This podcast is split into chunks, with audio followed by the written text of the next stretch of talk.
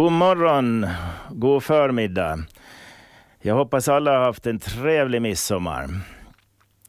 Jag heter Göran Lindholm och är er sommarpratare den här förmiddagen. Vi har firat midsommar hemma i Seglinge.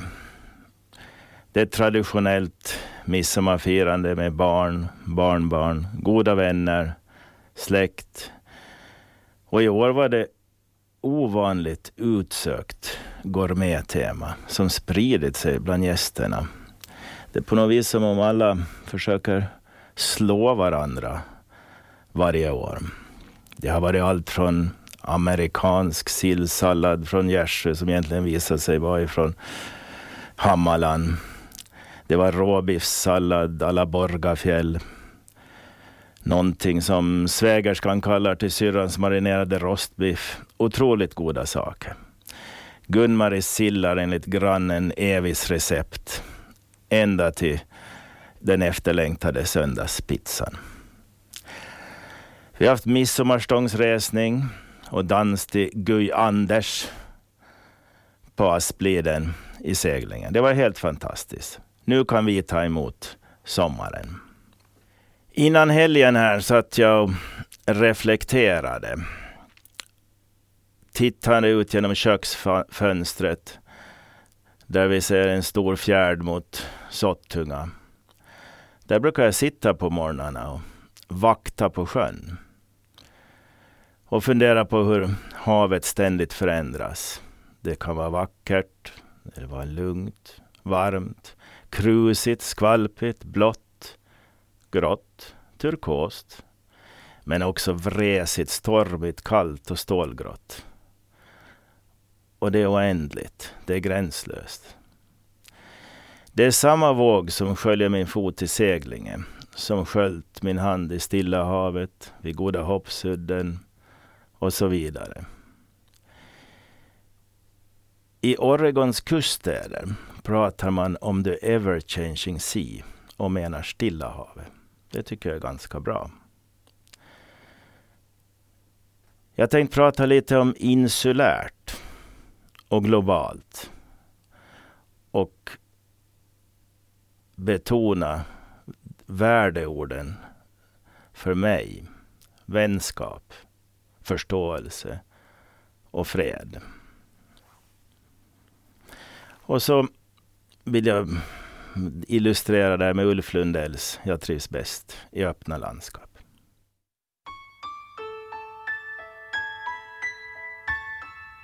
Jag var Seglinge? Ja, det kan man egentligen fråga sig. Jag kommer uppifrån torra land i Saltvik och Gudmarie kommer från Nygatan. Gunmar och jag gifte oss i Kumlinge kyrka med fantåg och fiolmusik på vandring till Vikingalid. Det var ett fantastiskt minne som präglat sig fast. Och efter många somrar på Snäckö hos svärmor fick vi vårt kära Williams. Söderst på Seglinge. Ett riktigt kråkslott, som svärmor uttryckte det. Bland syrener och äppelträd, omgärdad av en vacker stengärdsgård. De byggnadskunniga i släkten rekommenderade unisont tändsticksrenovering. Uh, inte bara för att jag är ruckelromantiker, men också i, i försäkringsbranschen så kändes inte det som kanske ett bra alternativ. Istället har vi rustat lite i taget och försökt bygga upp vårt hem med pietet för de tidigare strävsamma ägarna. Här har Gunmarie och barnen bott från det skolan slutade tills den började igen på hösten. Och jag har varit där så mycket som jobbet tillåtit. Precis som Ulf Lundell sjöng, så att själen kan få ro. Det har inte varit enbart fritid. Fritid och jobb har blandats ihop för, i vår familj under många år. Vi har haft ledningsgruppsmöten där. Vi, den tiden jag var med i Ålandsbankens styrelse hade vi styrelsemöte där ute och middag. Vilket var en ganska intressant upplevelse.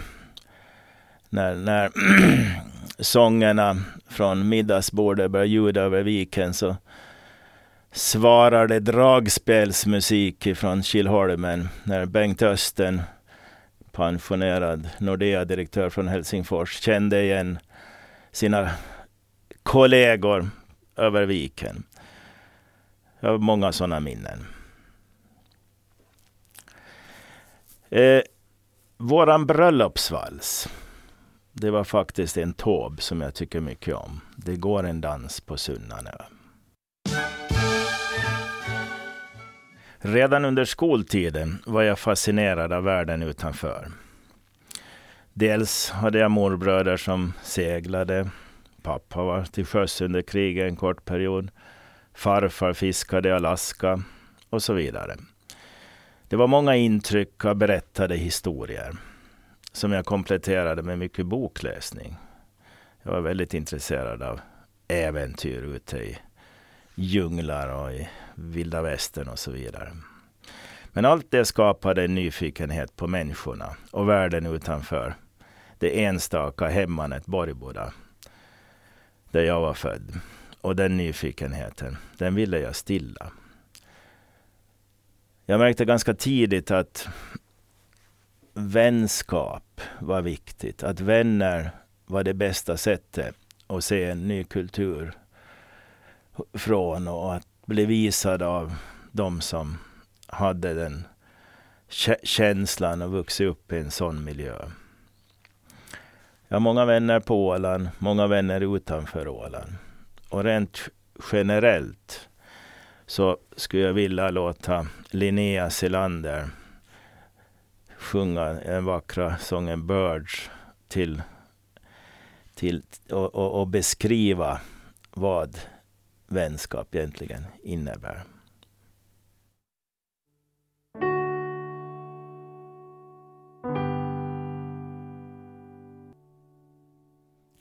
Det var Linnea Selander som samtidigt är vår guddotter som jag har följt med och tycker att hon har en fantastisk vacker röst.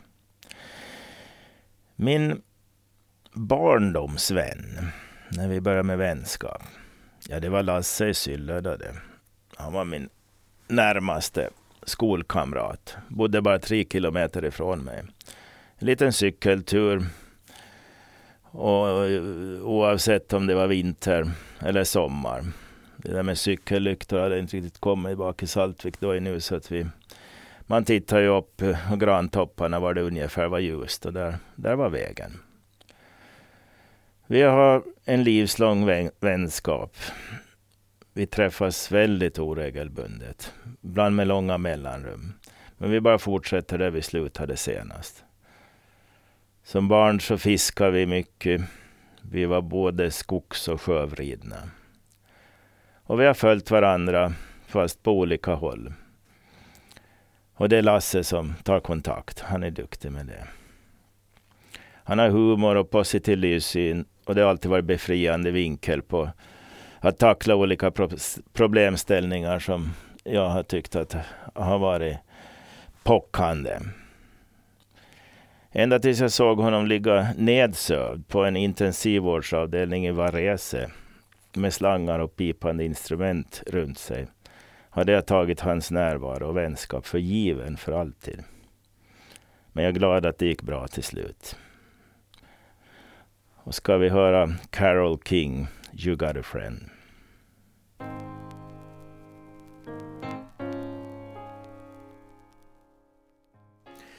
Jag säger god förmiddag till alla ny, eventuellt nytillkomna lyssnare. Jag heter Göran Lindholm i Åland Radios sommarpratare idag. Förståelse var ett annat värdeord jag tänkte uppehålla mig vid. Mellan sexan och sjuan i Lusse, det var 1973-74, åkte jag till Amerika som utbyteselev. Det var en ganska lång ansökningsprocess och jag hade väl inte några större förhoppningar att komma dit jag var den första från Åland och det fanns egentligen ingen att fråga hur det där skulle gå till och vad som skulle hända och så vidare. Men jag fick reda på att jag var utsedd i början av juli. Jag kommer ihåg att det var körkarfest och låg och kälda under seglet i skötbåten. När det någon knackade på eh, seglet då, inte dörren.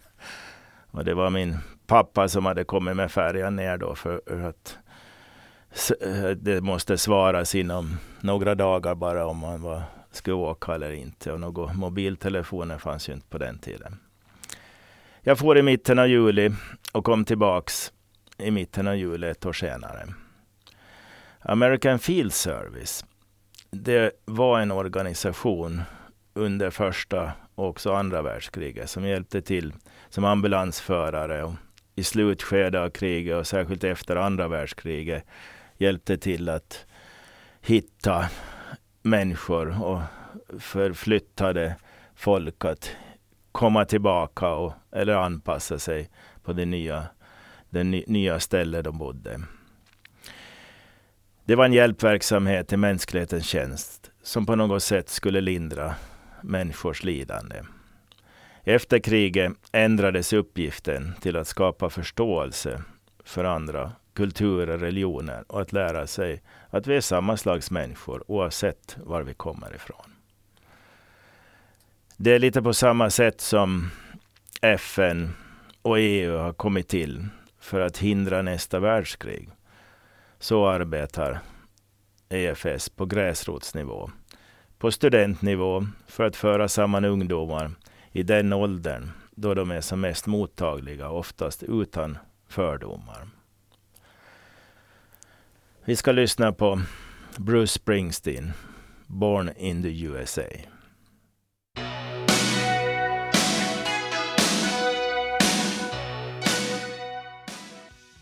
Vi kom till New York det årets EFS-studenter. Det var en samling på närmare 600 studenter som blev inkvarterade ute på Long Island i en, ett college. Och, och, samma eftermiddag så var programmet talangshower. Jag tänkte att det ska bli intressant att få titta på något, något sånt kul. Sen insåg jag ganska hastigt att det var meningen att vi själva skulle skapa talangshower för, för de olika eh, grupperna. Bara för att visa vad för kultur vi kom från och vad som var typ våra sånger och folkdans och så vidare. Så det blev en väldigt mixed och blandad eftermiddag, men väldigt rolig och väldigt intressant. Vi åkte buss runt New York, kommer ihåg Manhattan. Och det, alla föreställningar som jag hade och fördomar som blev besannade. Det var lite som man läser och som man hade lärt sig i Kalle Anka. Harlem var en upplevelse. Det var på den tiden Harlem var Harlem. Busschauffören låste dörrarna och det drogs ner rullgardinerna och bara körde igenom. Jag var till Harlem senare och det är ju ett ganska trevligt bostadsområde idag, relativt sett. Vi fick mycket information om hur ett år i USA skulle te sig utan anhöriga i närheten. Sen bar det av till Seattle för min del. Eh, tillsammans med alla andra EFS-are som skulle bo i Washington State, i Oregon och delvis i British Columbia. Jag kommer ihåg att vi kom sent till SeaTac Airport. Åkte bil i en timme. Det var mörkt, jag såg ingenting av naturen. Eh, vi kom till North Bend, som den lilla staden hette, Snoqualmie Valley. Och den är känd för bara en sak. The only stoplight between Seattle and Chicago på Interstate 5. Sen tio år tillbaks har de tagit bort stoplighter. Tyvärr. Döm om min förvåning när jag stiger upp följande morgon och ser ett stort mörkt moln genom fönstret. Ja, de har ju sagt att det regnar mycket i Washington, tänkte jag. Mina syskon tog emot mig med öppna armar och så visade de mig gården som låg i gassande solsken. Och så pekade de på byns berg. Det var det molnet jag hade sett från mitt sovrumsfönster.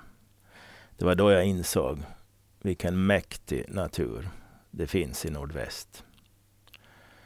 Berget heter Montsai, eller Twin Peaks som det heter i tv-serien. Det är exakt samma berg.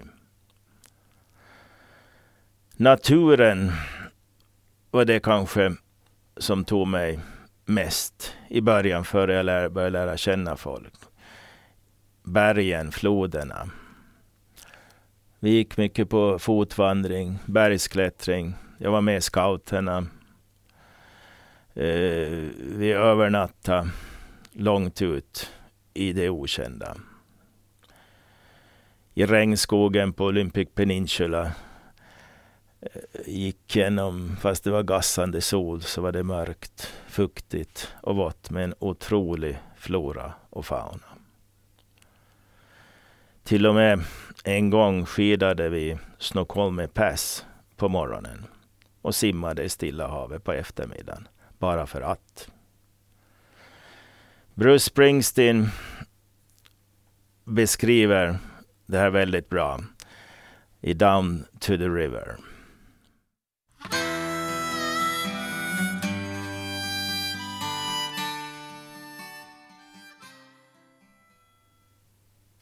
När jag hör den här låten tänker jag just på Snoqualmie Falls.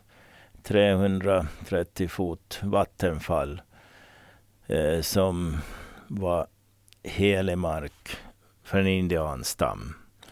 Men som blev utbyggt både med vattenkraft och ett eh, ganska flott hotell där.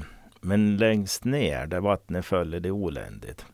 Där höll vi till lite då och då och hade så kallade keggers. Någon får till Idaho och köpte en, en, en tunna öl och så var halva klassen där och, och festa och fira. Och då göd den här låten och över, över vattenfallets mäktiga dån. Det var EFS-weekender runt om i staten Washington. Varannan, var tredje helg när en skola bjöd in de andra studenterna. Och deras elever fick träffa olika människor. Det var där jag lärde känna folk från Sydamerika, från Asien, runt om i Europa förstås. Men också skiljelinjen, järnridån fanns ju kvar då och nu. Och det fanns någon ungrare, det var någon från Polen som hade fått utresetillstånd att fara till USA. Och det var väldigt intressant att höra deras syn på livet och, och hur människorna har det. Och redan då insåg jag att det man kanske ser i media och läser kanske inte är den enda sanningen. Varje gång var det de här talangshowerna igen, för då skulle hela, hela skolan och föräldrar få se hur, hur, varifrån man kom. Man kände sig ibland lite som apan känner alla och apan känner ingen. Men, men vi hade kul tillsammans.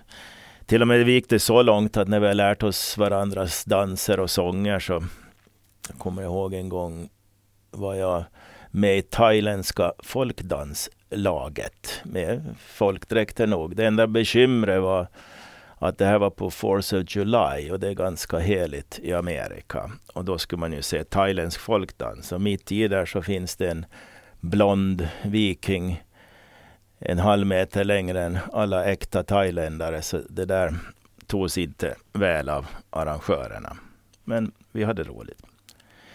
Och det här skapar en förståelse som jag tror att är väldigt viktigt. Det var då mitt intresse för folkrätt väcktes.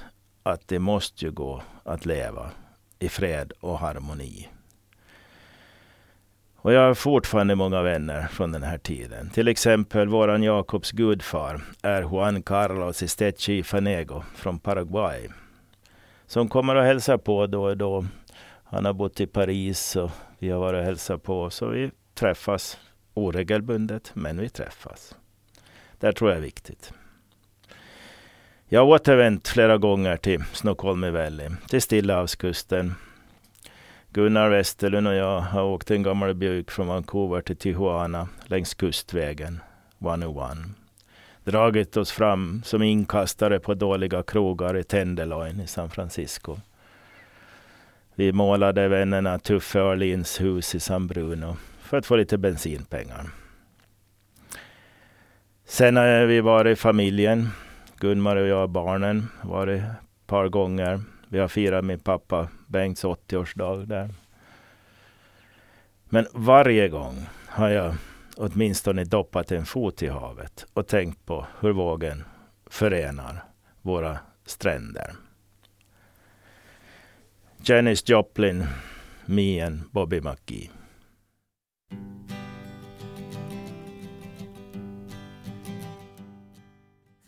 Då kommer vi till mitt nästa värdeord.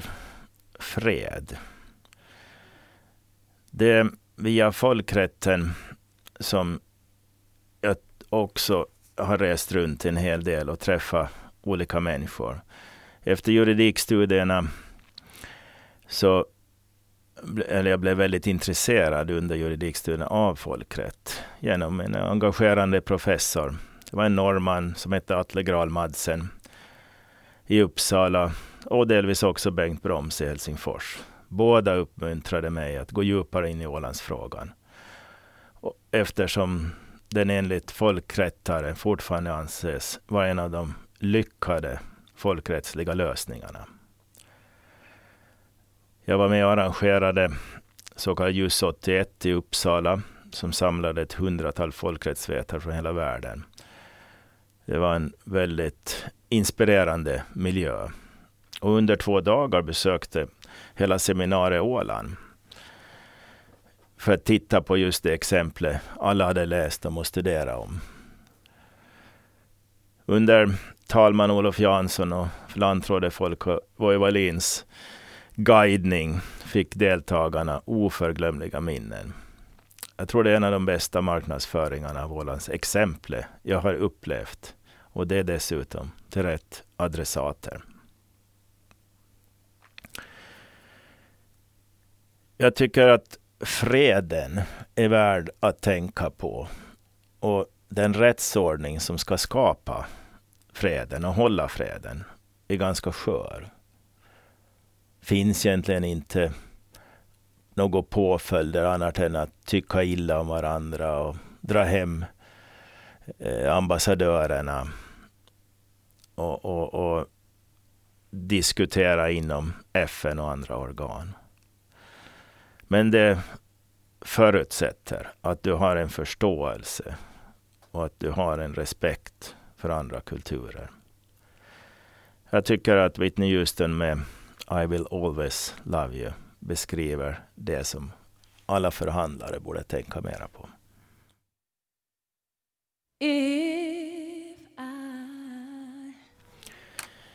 Jag fortsatte som folkrättsassistent i Bergen.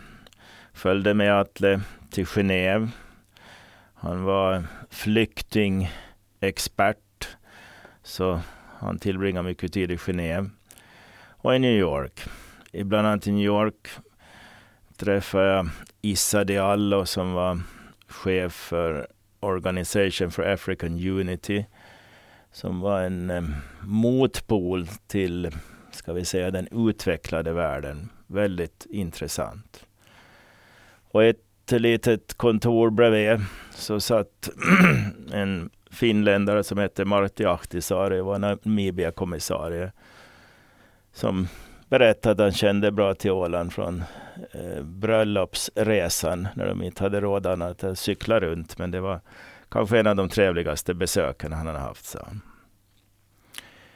Jag studerade Ålandsfrågan ur ett juridiskt perspektiv och forskade kring handlingarna, vad som hade påverkat besluten som fattades. Det var i NF-arkivet just i Genève som jag fick inblicken i fredsrörelsens styrka i, efter första världskriget, den miljön. Hur Berta von Sattner, hon påverkade statschefer, affärsmän och rörde sig hemtamt i NFs korridorer. Bland annat påverkade hon Albert Nobel att instifta fredspriset. Även internationella arbetarrörelsen drev fredsfrågan i sitt manifest.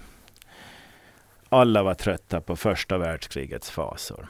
Och det var i den här stämningen som Ålandsfrågan fick sin lösning. Särskilt tydlig var den gällande demilitariseringen och neutraliseringen. Det var fred, evig fred man strävade efter. Och här kunde man visa på att man hade lyckats utan att det störde stormakternas interna agendor. Men även i statstillhörighetsfrågan så påverkade Sveriges hållning under till Tyskland under kriget så påverkade utgången. Cornelius Vreeswijk. I natt jag drömde.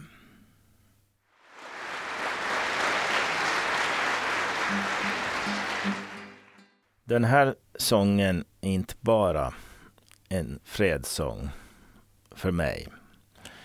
Den är också en vaggsång. Och jag har märkt att den, eftersom jag inte är någon god sångare och inte kan så många sånger, så tar jag ju till dem jag kan. Och förutom lite dammiga snapsvisor så kunde jag den här när våra flickor, våra barn var små. Men jag märkte att det fungerar precis lika bra idag. För Axel i Bryssel och Max i Harasby. Så den här kan jag. I Genève så bara forskade jag ju inte och höll på med dammiga urkunder och, och så, utan jag gick ju också omkring och, och, och, och tittade på de historiska platser, bland annat där Ålandsfrågan avgjordes i Palais des Nations och vid Genèvesjön. Vacker byggnaden idag. Jag träffade många vänner där som jag lärde känna eh, på arkivet. Bland annat eh, Monsieur Velander som var arkivchef. Och jag försökte på mycket knackig franska prata med honom var jag skulle hitta det och det. Och så frågade han varför pratar du inte svenska? Så visade sig han sig vara en fryntlig skåning med fäbless för god mat och dryck.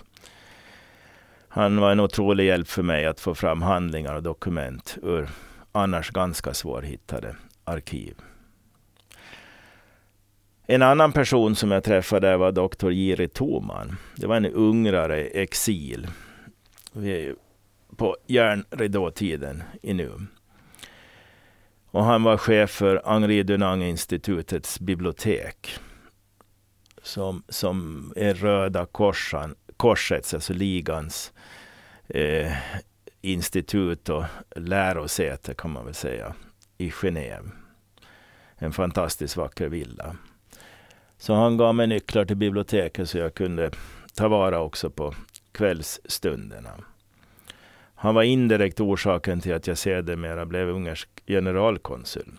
Det var i de här långa diskussionerna om mänskliga rättigheter som intresset vakna och fick en reell betydelse för mig genom alla rättsfall som Jiri kunde på sina fem fingrar. Jag tycker vi ska lyssna på Brown Eyed Girl med Van Morrison.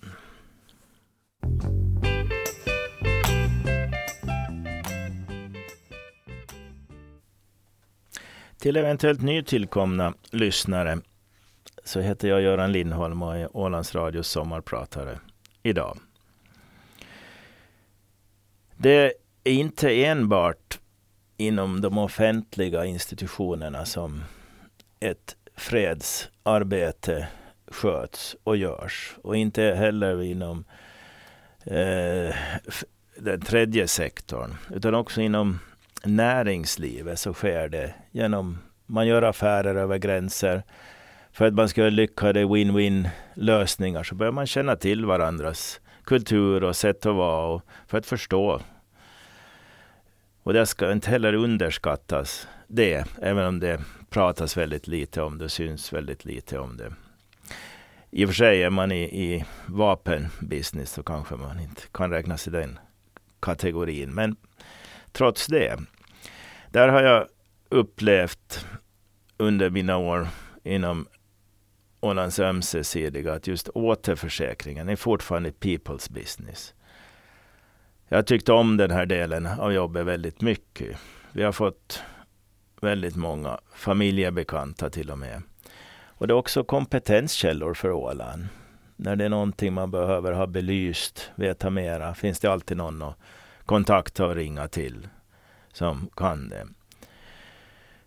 För det är lite så att man kan inte komma ett år med en stor brandskada och en svår trafikolycka till sina återförsäkrare och säga nej nu gick det lite tokigt det här, nu får ni betala hundra års premier på ett bräde.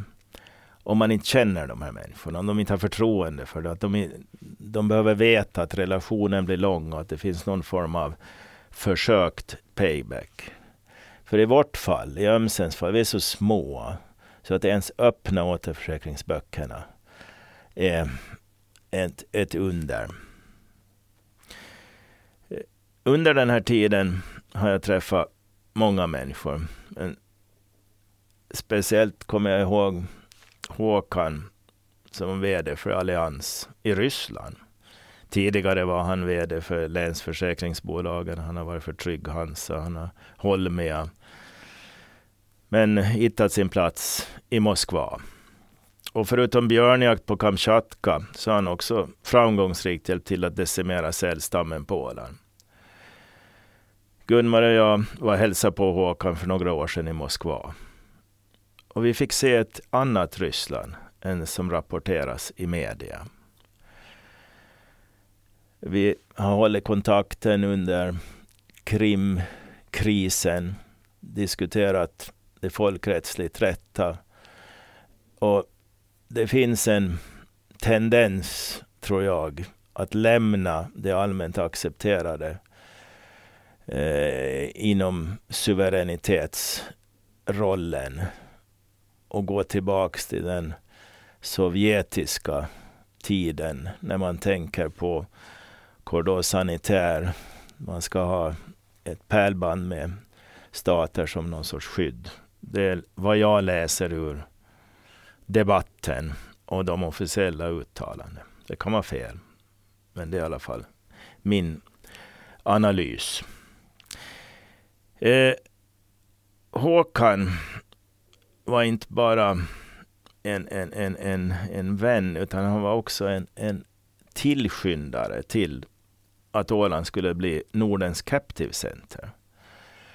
Åland hade stiftat en, en självbeskattnings självförsäkringslag och riksdagen hade justerat försäkringsbolagslagen så att vi kunde ta in in och utländska captivebolag till Åland. Jag vill också ge en eloge till dåvarande lantråd Sune Eriksson som trots envetet motstånd såg fördelarna att etablera en ny näringsgren på Åland. Många kvalificerade jobb skulle bildas. Och flera finska captivebolag var beredda att inom citat flytta hem till Åland. Bland annat Partex Captive skulle flytta från Isle of Man i och med att då skulle hela den självförsäkringsverksamheten inkluderas i den finländska ekonomin och inte vara utanför. Och all heder också åt koncernchefen Kristoffer Taxell som kunde självstyrelsens möjligheter att bredda den finländska ekonomin.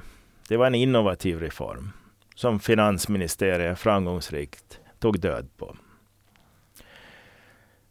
Jag har också via de öm, den ömsesidiga rörelsen kom i kontakt med lobbyorganisationer i Bryssel som Amice och ICMIF i Manchester som gör ett betydelsefullt arbete att skapa ömsesidiga försäkringsbolag, särskilt i Afrika, där medlemmarna ställer upp med praktikplatser, utbildning och kompetenstillskott. Det här skapar också förståelse och samarbete och kunskapsförmedling på många, många olika plan. Det här är också ett fredsprojekt. På sidan om det de gör som en lobbyorganisation försöker föra fram den ömsesidiga tanken, visa på att det är en sundare affärsverksamhet än aktiebolag där du ska maximera vinsten.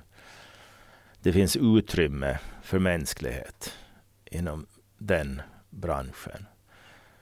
Och vi har alla väl kanske glömt bort det, men EU är faktiskt ett fredsprojekt.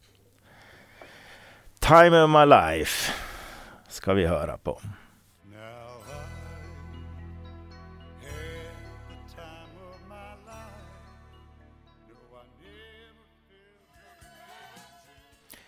För eventuellt nytillkomna lyssnare så har vi just lyssnat på Time of Life med Dirty Dancing. Och jag heter Göran Lindholm i Ålands Radio sommarpratare den här förmiddagen. Det här med folkrätten. Rättsordning för stater att kunna leva i fred och harmoni. Förståelse för andra kulturer och tänkesätt och världsbilder.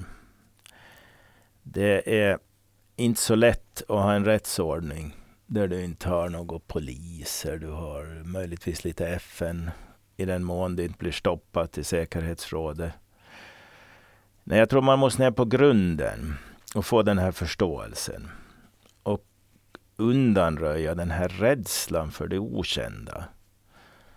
Och det ser vi väldigt tydligt, tycker jag, idag i eh, islamofobin, i IS och det som sker i vår också västerländska demokrati. Där polariseringen på något vis känns kraftigare och kraftigare. Mycket kanske på grund av USA leder den här rörelsen just nu. Isolationismen, oförståelsen. Så det är ännu viktigare idag att ungdomarna får träffas och umgås i ett tidigt skede här i livet. Att minska avståndet både fysiskt och psykiskt. Utbytesprogram i skolåldern är jättebra. Men också inom näringslivet. Ta bort handelshinder. Skapa mer utrymme för affärer runt om. Mer EU och mindre Brexit. Jag tror att eh, man skulle behöva gå tillbaks till sina rötter i EU. Vänskap, förståelse ger fred. Och kunskapen om olika kulturer är en oerhörd rikedom för dig själv som människa. I vår bransch, försäkringsbranschen, fungerar faktiskt återförsäkringskollegorna som en stor familj. Och det tycker jag är ett gott exempel även inom andra, an, andra områden. Man är ute efter win-win. Inte bara för att man själv ska vinna och det mesta, utan det är långsiktigheten som är, är viktig. Och tillbaks till det som är grunden. Du måste kunna skapa ett, ett, eh, en relation, ett förtroende. jag tror också att inom... Vi har ett exempel som jag vet, Ömsen var med och bildade Tundra fonder i Stockholm. Där man går in på frontier markets. Vilket betyder Pakistan, Vietnam, Sri Lanka, Egypten, Nigeria. Vi kallar dem förut utvecklingsländer. De har en otrolig kraft. De har en otrolig kunskap. Det kan vara politiskt instabilt ibland. Och det finns en, en vilja. Och jag tycker det är oerhört lärorikt för mig själv, rent personligen, att, att se hur de här ekonomierna växer, hur de resonerar. Och i, i, i det sammanhanget så känns det ibland lite futtigt när man läser i lokalpressen om problem med kommunsammanslagningar. Kommun X säger nej, vi ska göra si och kommun U säger vi vill bara leka med, med den kommunen. Och trots allt har vi det ju väldigt, väldigt bra ställt ekonomiskt. Och det är konstigt om vi inte skulle kunna skapa lite förståelse och lite vänskap mellan våra kommuner där vi pratar för det första samma språk. Vi pratar egentligen utgående från samma kulturella grund. Men, men, men ändå tycks det vara lite svårt. Så i min värld så har vi ett Åland. Och jag tycker att vi alla är ålänningar och det ska vi värna om. Och vi ska ta vara på det vi känner till utifrån. Och den, det vi lär oss av andra. Jag har också en stor respekt för de som jobbar ideellt. Dels inom politiken, i kommunerna, inom tredje sektorn och inom fredsrörelsen. Det som man kan lägga till här är att den kompetens som finns i de här olika grupperingarna, olika organ, organen kan man säkert ta vara på på ett mycket, mycket bättre sätt. Min tes, det är mer umgänge över gränser. Och då menar jag alla sorters gränser. Bygger förståelse, det bygger vänskap som sen i sin tur borgar för fred och frihet. Och vänskapen är nog det viktigaste. Förr hängde det i köken ovanför utdragssoffan olika former av bonader. En som jag kommer väldigt bra ihåg är tro, hopp och kärlek. Så samma förr. Och min bästa vän, det är tillika min hustru Gunmarie. Som jag vill avsluta det här sommarpratet med. Jag vill tacka alla som har lyssnat. Jag vill tacka mina goda vänner runt om globalt. Det är väldigt givande att sitta ute i Seglinge och se havet, se holmarna och ändå veta att man tillhör det globala sammanhanget med vattnet som förenar. Då tycker jag att vi lyssnar på I just called to say I love you med Stevie Wonder.